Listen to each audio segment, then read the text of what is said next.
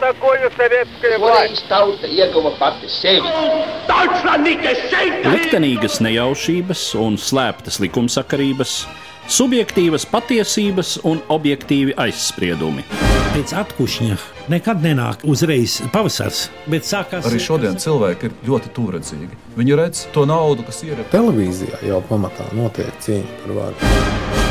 Pagātne no šodienas skatu punkta un šodienas caur pagātnes prizmu. Raidījumā šīs dienas acīm. Katru svētdienu Latvijas radio eterā Eduards Liniņš. Labdien, cienījamie klausītāji! Šogad aprit 105. gadsimta Ziemassvētku kaujām, nozīmīgākajai epizodei Pirmā pasaules kara latviešu strēlnieku pulku cīņās. Pavisam Krievijas armijas uzbrukumā vācu pozīcijām Tīreļpurvā 1916. gada decembrī piedalījās apmēram 40 tūkstoši karavīru, ar lieliem zaudējumiem gūstot zināmus taktiskus panākumus. Tā bija vienīgā kaujas operācija Pirmajā pasaules karā, kurā bija iesaistītas abas latviešu strēlnieku brigādes, kopā vairāk nekā 12 tūkstoši latviešu karavīru. Par toreizējās Krievijas impērijas armijas latviešu strēlnieku vienību tapšanas apstākļiem stāsta vēsturniece Latvijas kara muzeja ekspozīciju un izstāžu nodaļas vadītāja Ilze Krīgere. Krievu armijas lielā atkāpšanās 15. gadā no Austrumu Prūsijas caur Polijai, caur Lietuvai, pēc tam no visas kurzemes, tas radīja tādu situāciju, kad ļoti kritās Krievijas armijas morālais stāvoklis. Ir ārkārtīgs kvantums cilvēku, kas padevās gūstā. Ja šis gūstekņu skaits faktiski vairākos miljonos jau bija pirmā kara gadā bailes no sagrāves, arī pirms morāles sagrāves, jo nenoliedzami arī tieši karavīru noskaņojumam ir ļoti liela nozīme kaujas laukā, ne tikai tehnikai. Līdz ar Vācu karaspēku ienākšanu Latvijas teritorijā darbojās šī Krievijas armijas virspavēlnieka pavēle par tā saucamo izdedzināto zemi, kad obligāti bija jāatstāj savas mājas vietas visiem iespējamo ienaidnieka ieņemamo teritoriju iedzīvotājiem, jāiznīcina visi ražošanas līdzekļi, lauki un tā tālāk. Un lūk, šī milzīgā kurzemes bēgļu masa, kas nāca 15. gadā Vācu armijā ienākot Latvijas teritorijā, tas zināmā mērā arī radīja tādu baļu sajūta. Ja, jo visi tie bēgļi masveidīgi devās uz Rīgu, Rīga bija pilna, ja, un arī šajā neokupētajā teritorijā patiešām radās vienkāršos cilvēkos, teiksim tā. Bailes no tā, ka vispār nebūs savs mājas vietas, savs dzimtenes. Tā ir tāda viena puse. Otra puse, protams, ir arī par latviešu inteliģences, sabiedrisko organizāciju pārstāvju nostāju šai laikā. Jo tā doma jau radīt Latviešu strēlnieku bataljonus, kā savas nacionālas vienības, radās faktiski 15. gada maijā. Cara Galms, arī šejienes gubernatori visādi pretojās šādai idejai. Krievijas armijai vispār nebija raksturīga šīs nacionālās vienības. Un Krievi arī baidījās uz vietas radīt savā teritorijā nacionālu karaspēku. Bet tā reālā situācija bija tāda, ka vajadzēja kaut ko, kas varbūt arī tīri morāli pacelt visu pārējo karaspēku. Tiešām šī ļoti kritiskā situācija, kad faktiski jau 15. gada augustā vācieši jau bija nonākuši pie Daugaus, pie Rīgas. Nu, Rīgu nedrīkstēja atdot. Tas bija Krievijas armijai pirmkārt pēdējais postenis ceļā uz Petrogradu. Otrakārt, šeit bija arī milzīgs skaits cilvēku, kurus vēl varēja mobilizēt armijā. 15. gada augustā jau bija paredzēta kārtējā mobilizācija gan vidzemē, gan arī Rīgā. Tad, jebkurā variantā vīrieši, kas bija mobilizācijas vecumā, tiktu iesaukt šajā Krievijas armijā. Un šajā situācijā patiešām lūk šo latviešu inteliģences pārstāvju sanāksmē pieņemtais lēmums dibināt šos bataljonus, griezties pie Krievijas armijas virspavēlniecības, kā arī cara galmā ar atļauju dibināt bataljonus, bija ļoti nu, tāds loģisks. Pieņemts viņš tika tikai tādēļ, ka šī situācija bija kritiska un sākotnēji bija domāti šie bataljoni kā izlūku vienības sakarnieku vienības, kas zina vietējos apstākļus. Kas faktiski arī sākumā lielā daļā arī bija, jo latviešu strēlnieki kā tādi, visi pulki kopā uzstājas tikai vienu vienīgu reizi, un tas jau ir 16. gada beigās Ziemassvētku kaujās. Līdz tam visi šie pulki, arī bataljonu sākuma, bataljonu rotas, viņi tika sadalīti un piedalīti Krievu daļām. 1. augustā tiek parakstīta Ziemeļrietumfronts virspavēlnieka Aleksēja pavēle par strēlnieku bataljonu dibināšanu. Un tā arī sākās šo bataljonu komplektēšana. Viņi tika dibināti kā brīvprātīgie. Tātad brīvprātīgi varēja iestāties šajos bataljonos. Un atsauksme sākumā patiešām bija ļoti liela. Negaidīti liela, jo pirmā dienā bija 400 cilvēki, jau stāvēja rindā pie organizācijas komitejas pieņemšanas komisijas šeit Rīgā. Bet šeit ir tiešām tā izvēle, ko bieži vien ne īpaši akcentē. Vai nu tev mobilizēs tāpat? Un iedalīs kaut kādā krievu daļā, neskur. Vai nu tu tomēr stājies savējos, jo strelnieku bataljoni tur praktiski ņēma tikai latviešu virsniekus, tātad komandieri būs latvieši. Formāli arī tika pieļauta pavēļu valoda, latviešu valoda, bet tā kā reglaments nebija pārtulkots latviešu, protams, tajā laikā, tad arī pavēles tika dots, protams, krievu valodā, bet nu, sarunu valodas ar virsniekiem un kareiviem arī būtu arī.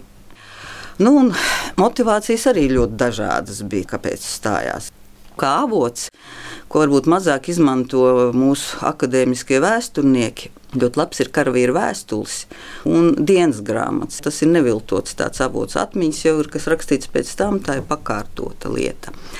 Muzejā ir ļoti daudz šādu vēstuļu. Liela daļa ir šie jaunieši, kas stājās arī vēl kas pat viltoja savus gadus, lai no 17 gadiem varēja iestāties. Viņiem bija tāda Lūk, tagad es iestāšos tajos bataljonos, ātri dabūšu ordeņus, atnākšu mājās Rīgā, un visas meitenes būs manas. Skaisti staigāšu pa ielām, būšu karavīrs, skaistā formā. Otra lieta arī tas, ka armija nodrošināja arī ļoti labu pārtiku, ēšanas moments, kas ir jau tajā brīdī jau diezgan grūti ir Rīgā. Lai nu kas, bet tas ceru armijā bija stingri noteikts. Katram karavīram dienā bija jāsaņem noteikti gabals gaļas. Mums pat ir tādas pavēles, kur virsnieks tiek sodīts, jo viņš nav paspējis to silto ēdienu nodrošināt, lai karavīram būtu.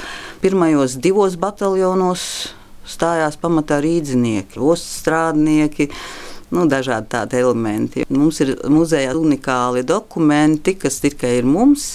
Tas ir uh, vācu aģentūras ziņojumi. Vācu aģenti pamatā ir latviešu tautības, kas tiek iesūtīti šeit, un viņu ziņojumi. Un tur ir teikts, ka tiek dibināti uh, latviešu karaspēka daļas, un ka tur stājās pa pirmo Daugaugriezu bataljonu, ka tur diezgan daudz krimināla elementu, pašpuikas un tādi. Tad jau Rīgas bataljonā tādu ir mazāk, nu tad pārējie, kad dibinājās, tad tur jau ir no lauku apvidiem, un no turienes tur ir savādāk. Jāpalasa vēstules un jāpalasa dienas grāmatas. Tur ir viena vienīga lieta, kā man izdzīvot, kā man šai ellē izdzīvot vispār. Tā ir pamatīdeja. Mums arī karavīru vēstules, gan ne gluži strēlnieki, bet arī latviešu karavīru vēstules no, no Galīcijas savai meitenei kur viņš karo. Viņš saka, nu, es esmu saņēmis visus ordeņus, jūras krusts, viņš sauc to, ko karavīriem dod. Mm. Bet es viņus visus sadotu, lai es tikai tiktu atkal atpakaļ pie tevis un mēs gar Daugumā varētu pastaigāties. Viss šī bravūra, protams, pazūd jau, var teikt, pirmajā kara mēnesī, kad ir jau simtiem kritušo un kad cilvēki saprot, kādā ellē viņi ir nokļuvuši par Ziemassvētku kauju raksturu un apstākļiem, kā arī šo kauju ietekmi uz latviešu strēlnieku vēlāko noskaņojumu, vēsturnieks Latvijas kara muzeja filiāles Ziemassvētku kauju muzejas vadītājs Dagnis Dedumietis.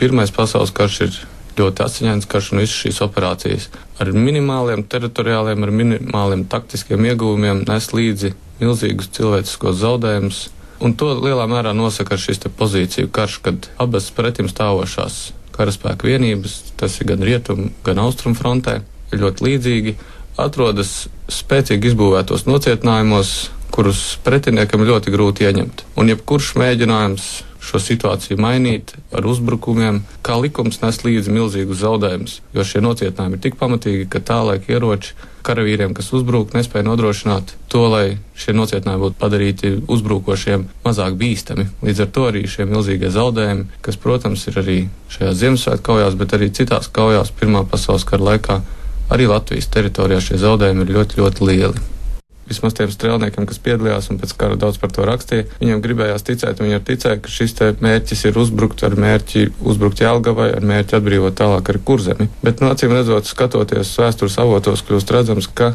Krieva armija šāda mērķa nebija, jo tik lielu operāciju ne viņi gatavoja, ne arī bija spējīgi praktiski sagatavot. Un tāpēc visticamākais, ka šis armijas mērķis nebija lielāks kā tas, ko principā arī Krievija armija sasniedza, respektīvi ieņēma Ložmetē kalnu un tam pieguļošo teritoriju. Jāsaka, ka šai teritorijai, kas varbūt kvadrātkilometru ziņā ir neliela, bet no mūsdienu viedokļa skatoties, mēs redzam, ka tā ir vienīgā teritorija tajā laikā, no kurienes vācieši spēja apšaudīt jūrmālu, spēja apšaudīt slokas dzelzceļu, tātad pakļaujot apdraudējumam visas Krievijas armijas piegādes jūrmālas frontē pie ķemeriem un slokas. Un arī šie nedaudzie kvadrātkilometri, par ko Krievijas armija samaksā milzu cenu karavīru dzīvībās, ir lielākais teritoriālais iegūms, kādu Krievijas armija Rīgas frontē vispār spēja panākt Pirmā pasaules karā. Krievijas impērijas armijas kaujas spējas ar katru karā pavadīto mēnesi krītās ne tikai pēc februāra revolūcijas 17. gadā, bet arī jau pirms tam šīs kaujas spējas ir gājušas zudumā, un to mēs arī redzam kaut vai Ziemassvētku kauju laikā, kad sibīriešu strelnieku pulku karavīri atsakās doties uzbrukumā. Tāpat tas notiek arī vēlāk, jau pēc februāra revolūcijas, kad šajās armijas struktūrās tiek ieviestas dažādas ar armijas disciplīnu varbūt nesamērojamas lietas, kas šo disciplīnu arī grauj.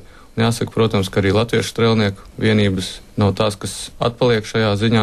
Viņas varētu teikt, pat ir vienas no pirmajām, kas ievieš dažādas ar februāra revolūciju saistītās iespējas un ir šīs revolūcijas atbalstītāji. Un arī latviešu strēlnieku vienībā šī disciplīna lielākā vai mazākā mērā zūd. Un tur atkal var vilkt paralēlis, jo Ziemassvētku kaujas ir tās kaujas, no kurām jau tie latviešu strēlnieki, kas brīvprātīgi gāja strēlniekos, kas bija izgājuši daudzās kaujas 16. gadā, lielākā mērā vairs neatgriezās ierindā. Viņi bija vai nu krituši vai ievainoti, un tagad jau Latviešu strēlnieku vienības sastādīja mobilizētie karavīri, kas nebija vairs brīvprātīgi, kas bija piespiedu kārtā iesaukti armijā, un, protams, viņu noskaņojums bija pret karu, un tas arī izpaužās šajā 17. gadā Latviešu strelnieku darbībā gan frontē, gan rezervē, bet jau kaujās 17. gada septembrī mēs atkal redzam, ka grūtā brīdī Latviešu strelnieku vienības morāles un disciplīnas ziņā saliedējas un atkal ir Krievu 12. armijas labākās karaspēku vienības. Lasot šo kauju aprakstu, rodas tāds iespējas, ka nu, nu, arī starp šīm latviešu vienībām ir gan dīvainas pavēles, gan uh, vienību komandieru, nevienmēr konsekventi un, un līdz galam attaisnot rīcību. Brīžiem arī latvieši novirzās no sākotnēji uzstādītajiem mērķiem, vienības aiziet kaut kur citā virzienā. Kā vispār izskatās šo te latviešu komandieru darbība visā Ziemassvētku kauju kontekstā?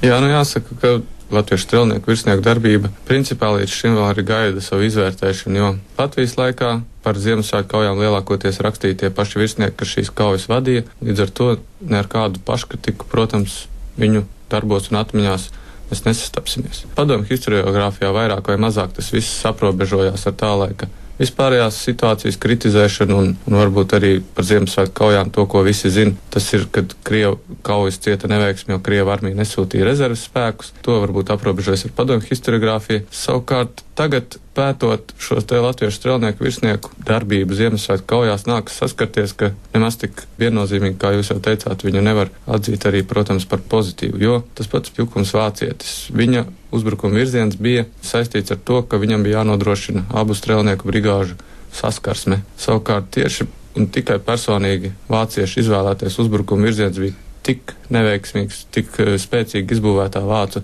pozīcijās, ka viņa pulks nespēja šīs pozīcijas pāraut, līdz ar to viņš nespēja šis pulks veikt viņam uzticēto uzdevumu. Tāpat arī citu pulku virsnieku darbību varētu kritizēt un iztirzāt. Daudzu vienību komandieri bija nesen iecelti šajos amatos un savas vienības varbūt tik labi nepazina. Te var minēt Goperu vai Peniķi. Bet, nu, katrā ziņā virsnieku komandēšanas spējas ir nu, bijis nozīmīgs faktors tam, ka Ziemassvētku kaujās šis uzbrukums nav izdevies tik labi, kā varbūt būtu bijis iespējams. Cik lielā mērā tā ir tāda Krievijas armijai vispār raksturīga nelaime? Komandējošā sastāvā kvalifikācijas trūkums vai arī sistēmas trūkums Krievijas armijā. Tas varbūt arī padomju historiografijas panākums, ka Cerlaika armija tiek uzskatīta par tādu demoralizētu cilvēku kopumu, kurā ne īsti dod ēst, ne, ne īsti ko var saprast, tik sūta uzbrukumā. Nē, karaspēks tie paši latviešu strēlnieki saņēma ļoti labu pārtiku. Bija disciplinēts, bija kārtība armijā. Virsnieku kadru ļoti spēcīgi ietekmēja jau pašs kara sākums, un Ziemassvētku kaujas tas ir otrā kara gada beigas. Jāsaka, ka virsnieki Pirmajā pasaules karā cieta ļoti liels zaudējums. Līdz pat bataljona, varbūt pat pulka līmenī, bieži vien atradās kaujas darbības pirmajās rindās, un līdz ar to arī bija liela zaudējuma virsnieku kadros. Un kara laikā ieviestā virsnieku sagatavošana bija ļoti, ļoti īsa. Šie praporšķikti jaunākie virsnieki tika sagatavoti pāris mēnešu laikā, un jau atrodoties kaujas darbībā, šis te pāris mēnešu kursus izgājušais jaunākais virsnieks ļoti ātri varēja tikt pat par rotas komandieru, kas miera laikā viņam būtu prasījis vairākus gadus. Viņš pāris mēnešos varēja tikt par rotas komandieru, jo vienkārši rotas komandieris lielāku pieredzi kaujas laikā krīt. Un līdz ar to arī šī kara laika virsnieku virzīšanās augšu nespēja šim virsniekam iegūt pieredzi mazāku vienību komandēšanā, ka viņš jau ieņēma lielākus amatus. Nu, un, protams, tas atstāja arī pēdas tad, kad viņam ir šīs vienības jākomandē kaujas laikā. Protams, Ziemassvētku kaujas nospēlē milzīgu lomu šajā te karavīru morālajā stāvoklī pēc kaujām, jo zūd uzticība ne tikai armijas komandēšanas sastāvam, zūd uzticība arī pastāvējušai iekārtai kā tādai. Un šī februāra revolūcija līdz atnestās iespējas karavīru vidū izplatīties dažādu politisko noskaņojumu aģitatoriem. Karavīri ir pakļauti jaunām idejām, jaunām iespējām, un jāsaka, ka visaktīvākie starp šiem aģitatoriem ir tieši lielnieku aģitatori, jo pārējās politiskās partijas nav spējīgas izvest tik saliedētu un ideoloģiski vienotu aģitāciju. Lielā mērā varbūt tieši tāpēc strēlnieki pakļaujas tieši lielnieku aģitācijai, bet jāsaka, ka šis skatu punkts varbūt vēsturnieku darbos līdz šim nav tik plaši atspoguļots, ka šie latviešu strēlnieki, lielinieki, kā varbūt viņus varētu saukt, ja tajā laikā viņi vēl par lieliniekiem diez vai varēja viņus saukt. Katrā ziņā tie, kas piekrita šīm lielnieku idejām, Viņi bija ļoti, ļoti nacionāli noskaņoti. Viņi bija noskaņoti par Latvijas nacionālo patstāvību. Viņi izmantoja tagad mums jau zināmās nacionālās valsts attribūtiku, sarkanbaltu sarkano karogu. Un tātad tie nebūtu nebija tādi lielinieki, kā to atspoguļoja padomju historiografija. Nu, jāsaka, ka lielinieki jau tajā laikā nerunā par kaut kādām konkrētām valsts institūcijām vai konkrētu valsts pārvaldes modeli, kāds tas varētu būt. Viņi jau tajā laikā tikai kritizē pašreizējo to tā laika pastāvošo iekārtu un piedāvā dažādus populistiskus saukļus un lozungus, kam attiecīgi cilvēks, kas ir noskaņots pret karu un ar vēlmi orientēt savu dzīvi uz labāku dzīvi, protams, ka pakļaujās un piekrīt šīm idejām par Ziemassvētku kauju ietekmi uz latviešu strēlnieku noskaņojumu, tā skaitā uz viņu noslēgšanos par labu radikālajiem sociāldemokrātiem lieliniekiem pēc 1917. gada februāra revolūcijas Krievijā. Vēsturnieks grāmatas Latviešu strēlnieki drāma un traģēdija autors Valdis Bērziņš. Kaujas bija smagas, strēlnieki zaudējumi bija lieli. Ja teiksim, turpat pusmiljonu lielā 12 armija zaudēja 45,000 cilvēku. Tad strēlnieki, kuru skaits nesasniedz pat 50,000, zaudēja kopumā ņemot ar ievainotiem un bezvēsts pazudušiem ap 9,000. Tātad tas vien jau liecina, ka strēlnieku zaudējumi salīdzinoši bija stipri lieli kopumā uz 12. armijas fona. Strēlnieki jutās piekrāpti un nodoti, jo kauja laikā Viņi ar lielām pūlēm, protams, un pamatīgiem zaudējumiem pārāva vācu labi nocietinātās pozīcijas, bet sekojošais uzbrukuma izvērsums izpalika. Un vēlāk pat no augstākās virspavēlniecības, kā zināms, augstākais virspavēlnieks bija pats cars Nikolais II, nāca norādījums operāciju pārtraukt un Ja jau nu cīņa tomēr jāturpina, tad izmantotam tikai latviešu strēlnieku pulkus. Nu, vairāk vai mazāk tas kļuva redzams arī pašiem strēlniekiem pēc lietu gaitas, jo būtībā viņi tika izdalīti uz īsu brīdi rezervē, pēc tam atkal atsaukti. Un turpinājās visas grūtās janvāra cīņas ar lieliem zaudējumiem. Tā kā bija pilnīgi skaidrs, ka, ja kaut kas līdzīgs notiks vēlreiz, tad no latviešu strēlniekiem diez kas pārvairs nepaliks. Nu, tādēļ arī tūlīt pēc februāra revolūcijas strēlnieki saka, bija visai aktīvi, lai kaut ko mainītu savā un Latvijas, Krievijas liktenī. Politiskais stāvoklis bija ļoti sarežģīts un ļoti aktīvi darbojās lielinieki, kā toreiz viņi sauca komunistus, ieskaitot arī strēlnieku pulkus. Jo strēlnieku pulkos it sevišķi rezerves pulkā jau 1916. gadā, kad sāka armijā iesaukt arī politiski nevisai uzticamos un pat neusticamos, nonāca arī aizdomās turētie, nu, kur nevarēja tieši pierādīt, ka viņš saistīts ar Lielnieku partiju, un viņi izveidoja rezerves pulkā pat savu organizāciju, pelēkie, nu, pēc šīneļa krāsas armijā. Nu, un šie pelēkie, protams, varbūt bija vieni no tiem, kas jau Ziemassvētku kaujās, kad no rezerves pulka pienāca pirmie pastiprinājumi frontē cīnošamies daļām, arī bija tie, kas sāka urdīt strēlnieku prātus, ka lūk, mēs te esam atsūtīti tikai tīrai izskaušanai, nekam vairāk. Un kas attiecas uz latviešu strēlniekiem, tad izrādījās, ka tā bija gandrīz vai vienīgā partija, kura pavasara mēnešos vispār nodarbojās ar latviešu strēlniekiem.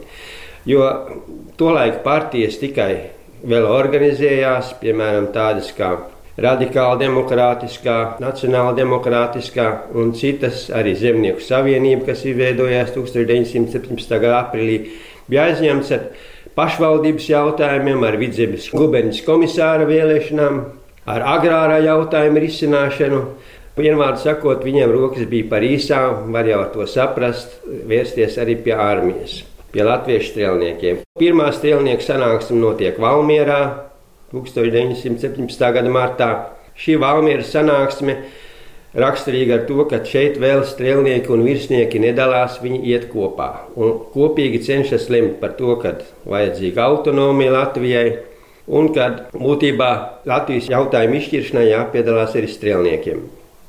Bet tālāk, nākošajos sajietos, ir sevišķi jau pirmajā kongresā, kad tiek ievēlēts Lielās strēlnieku padomus izpildu komiteja, jeb izpalastrēls ar štābkapteini Valdemāru Ozolu priekšgalā, jau redzamas pirmās nesaskaņas. Un, protams, lielnieki ir tie, kas cenšas atbīdīt virsniekus no strēlniekiem. Jo skaidrs ir tas, ka strēlnieki, ja tiks atstāti virsnieku uzraudzībā, virsnieku ietekmē, protams, nepakļausies lielnieku aģitācijai.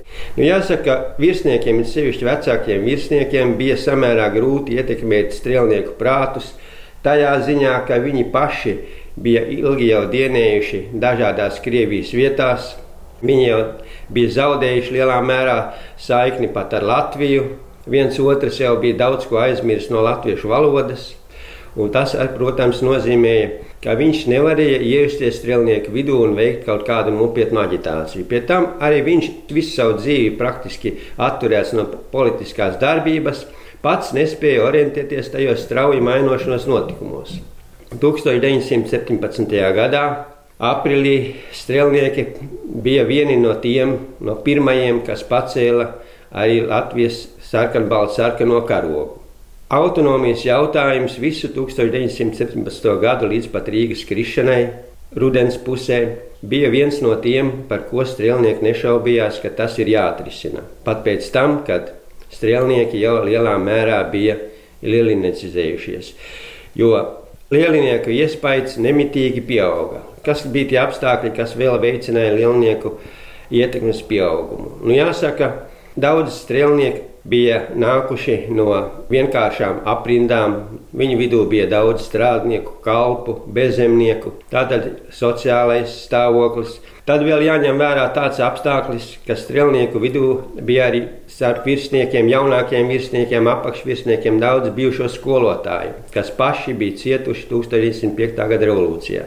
Un, kā zināms, revolūcijas laikā sociāldemokrātiem bija visai liela ietekme. Un šī ietekme turpinājās arī vēlākajos gados, protams, pieklususi pēc revolūcijas gados, bet tagad, pēc februāra revolūcijas, Krievijā atkal sociāldemokrātu lozungi atkal ieguva visai ietekmīgu atbalstu. Pēc 1917. gada maija, kad notiek Latvijas strēlnieku otrais kongress, ir skaidri redzams, ka strēlnieki atsevišķos izšķirošās rezolūcijas punktos nobalso tieši par tiem punktiem, kādus tiem ierosina lielinieki. Tas ir pret imperiāliskā kara turpināšanu, pret Krievijas buržāsko pagaidu valdību un par varas nodošanu padomēm strādnieku, kareivju un zemnieku, Latvijā bezzemnieku deputātu padomēm. Nu, jāsaka, daudzi bijušie virsnieki arī centās strēlniekus, kā saka, vest pie prāta.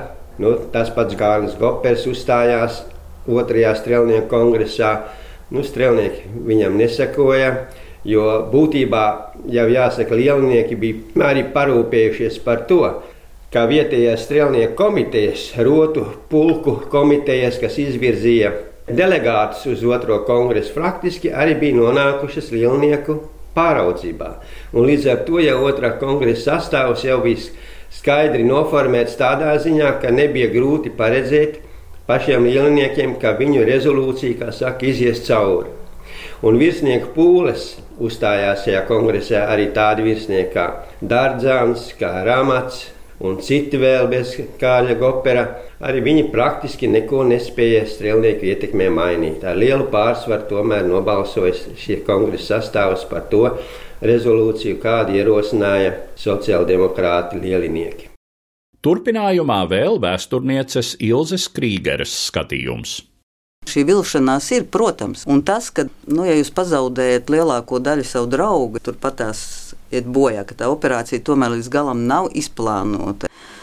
Ja cilvēks nezina bieži vien, ko viņam darīt attiecīgā situācijā, naktī tumsā, sniegā, vairākas dienas karojot, un ka beigās tās dzīvības, kas tiek dotas, patiešām ir faktiski pavelti pa dažiem kvadrātkilometriem. Tas radīja jā, lielu nepatiku pret šo krievu virspavēlniecību. Otra lieta - izkaupa tiešām lielu skaitu, un 17. gadā vēlāk mobilizēja armijā tos, kuri līdz tam vispār nebija dienējuši, kas šeit, gudīgi sakot, mētājās Rīgā vēl kuru noskaņojums nepavisam jau 17. gadā nebija uz karošanu. Un šis elements bieži noteica iespēju lielniekiem šeit ļoti iedarboties tieši uz karavīru publiku. Lai gan jāsaka tā, ka daudzās filmās, ko rāda, ka nu, lielnieki ļoti darbojās 17. gada pirms Ziemassvētkaujām vai pēc Ziemassvētkaujām, nu, nebija tas. Armijā neviens aģitators nokļūt nevarēja frontes līnijā. Cita ir lieta, ka 17. gads, sevišķi pēc Krievijas februāra revolūcijas, kad nenotika šī kara darbība, jā, un ļoti daudz šīs karaspēka daļas tika sūtītas uz Rīgu ilgstošai atpūtai. Lūk, tur notikās visi šie mītiņi, aģitācijas, ballītes un vispārējais. Bet tas notiek līdz brīdim, kad sākās šī kaujas darbība. Tas nu ir fakts, ka draudot Rīgas atdošanai, kas katram latvietim patiešām ir svēta lieta, kad draudēja tas, ka lūk, mēs atstāsim Rīgu, kas, protams, rezultātā ir sanācis, bet nu, tajā brīdī eh, klausīja visas virsnieku pavēles. Beidzās viss mītiņošanas un viss neklausīšanas un darīšanas, kas bija armijā, bet tas ir saprotami, jo sava Rīga, jo Rīga tiešām asociējās tajā laikā jebkuram latvietim, arī tādam, kas nāk no laukiem, asociējās ar Latviju. Tas arī pēc vēstulēm ir uh, redzams. Tā ir tava dzimtene un tava zeme, kur tu esi dzīvojis. Atšķirībā no krievu zaldāta, kuram tiešām pilnīgi vienalga. Un noslēgumā par Ziemassvētku kauju nozīmi vēsturnieks Dagnis Dedumietis. Nozīmīga šīs Ziemassvētku kaujas ir no mūsdienu skatu punkta. Varbūt ne tik daudz dēļ tiem taktiskajiem panākumiem, ko ne tikai latviešu, bet arī krievu karaspēka vienības guva, bet jau tīri no tiem cilvēciskiem faktoriem, kā mēs to varam paraudzīties no mūsdienām. Kā latviešu karavīriem, kas bija iesaukti vai brīvprātīgi iestājušies Krievijas armijā, kur viņi cerēja atbrīvot kurzemi, nācās cīnīties ļoti, ļoti grūtos apstākļos. Ne tikai šīs kaujas ir ar savu asiņaino iznākumu, bet arī ar milzīgi grūtajiem cīņas apstākļiem ir pieminēšanas vērtas, jo strēlniekiem nācās vairākas dienas ļoti lielā salā. Janvāra beigās sals sasniedz pat mīnus 36 grādus cīnīties atklātā laukā, kad jau ieroči pārstāja darboties, munīcija nesprākst. Šie strēlnieki tomēr nepameta savu uzdevumu, nepameta kaujas vienību, neatteicās šos uzdevumus pildīt. Un varbūt tieši arī šīs izturības dēļ latviešu strēlnieki arī šīs Ziemassvētku kaujas ir tās pieminēšanas vērtas, un to arī apliecina pēc kaujām iznākošie preses izdevumi ne tikai Krievijas impērijā, bet visā pasaulē, kur šis latviešu strēlnieku varonība un izturība tiek cildināta un atzīta. Līdz ar to izskan mūsu raidījums, kas bija veltīts Ziemassvētku kauju 105. gadsimtai. Dzirdējāt vēsturniekus, grāmatas latviešu strēlnieki, drāma un traģēdija autoru Valdi Bērziņu, Latvijas kara muzeja filiāles Ziemassvētku kauju muzejas vadītāju Dagni Dedumieti un Latvijas kara muzeja ekspozīciju un izstāžu nodaļas vadītāju Ilzi Krīgeri. Uz redzēšanos, cienījamie klausītāji! Katru svētdienu Latvijas radio viens par pagātni sarunājas Eduards Liniņš.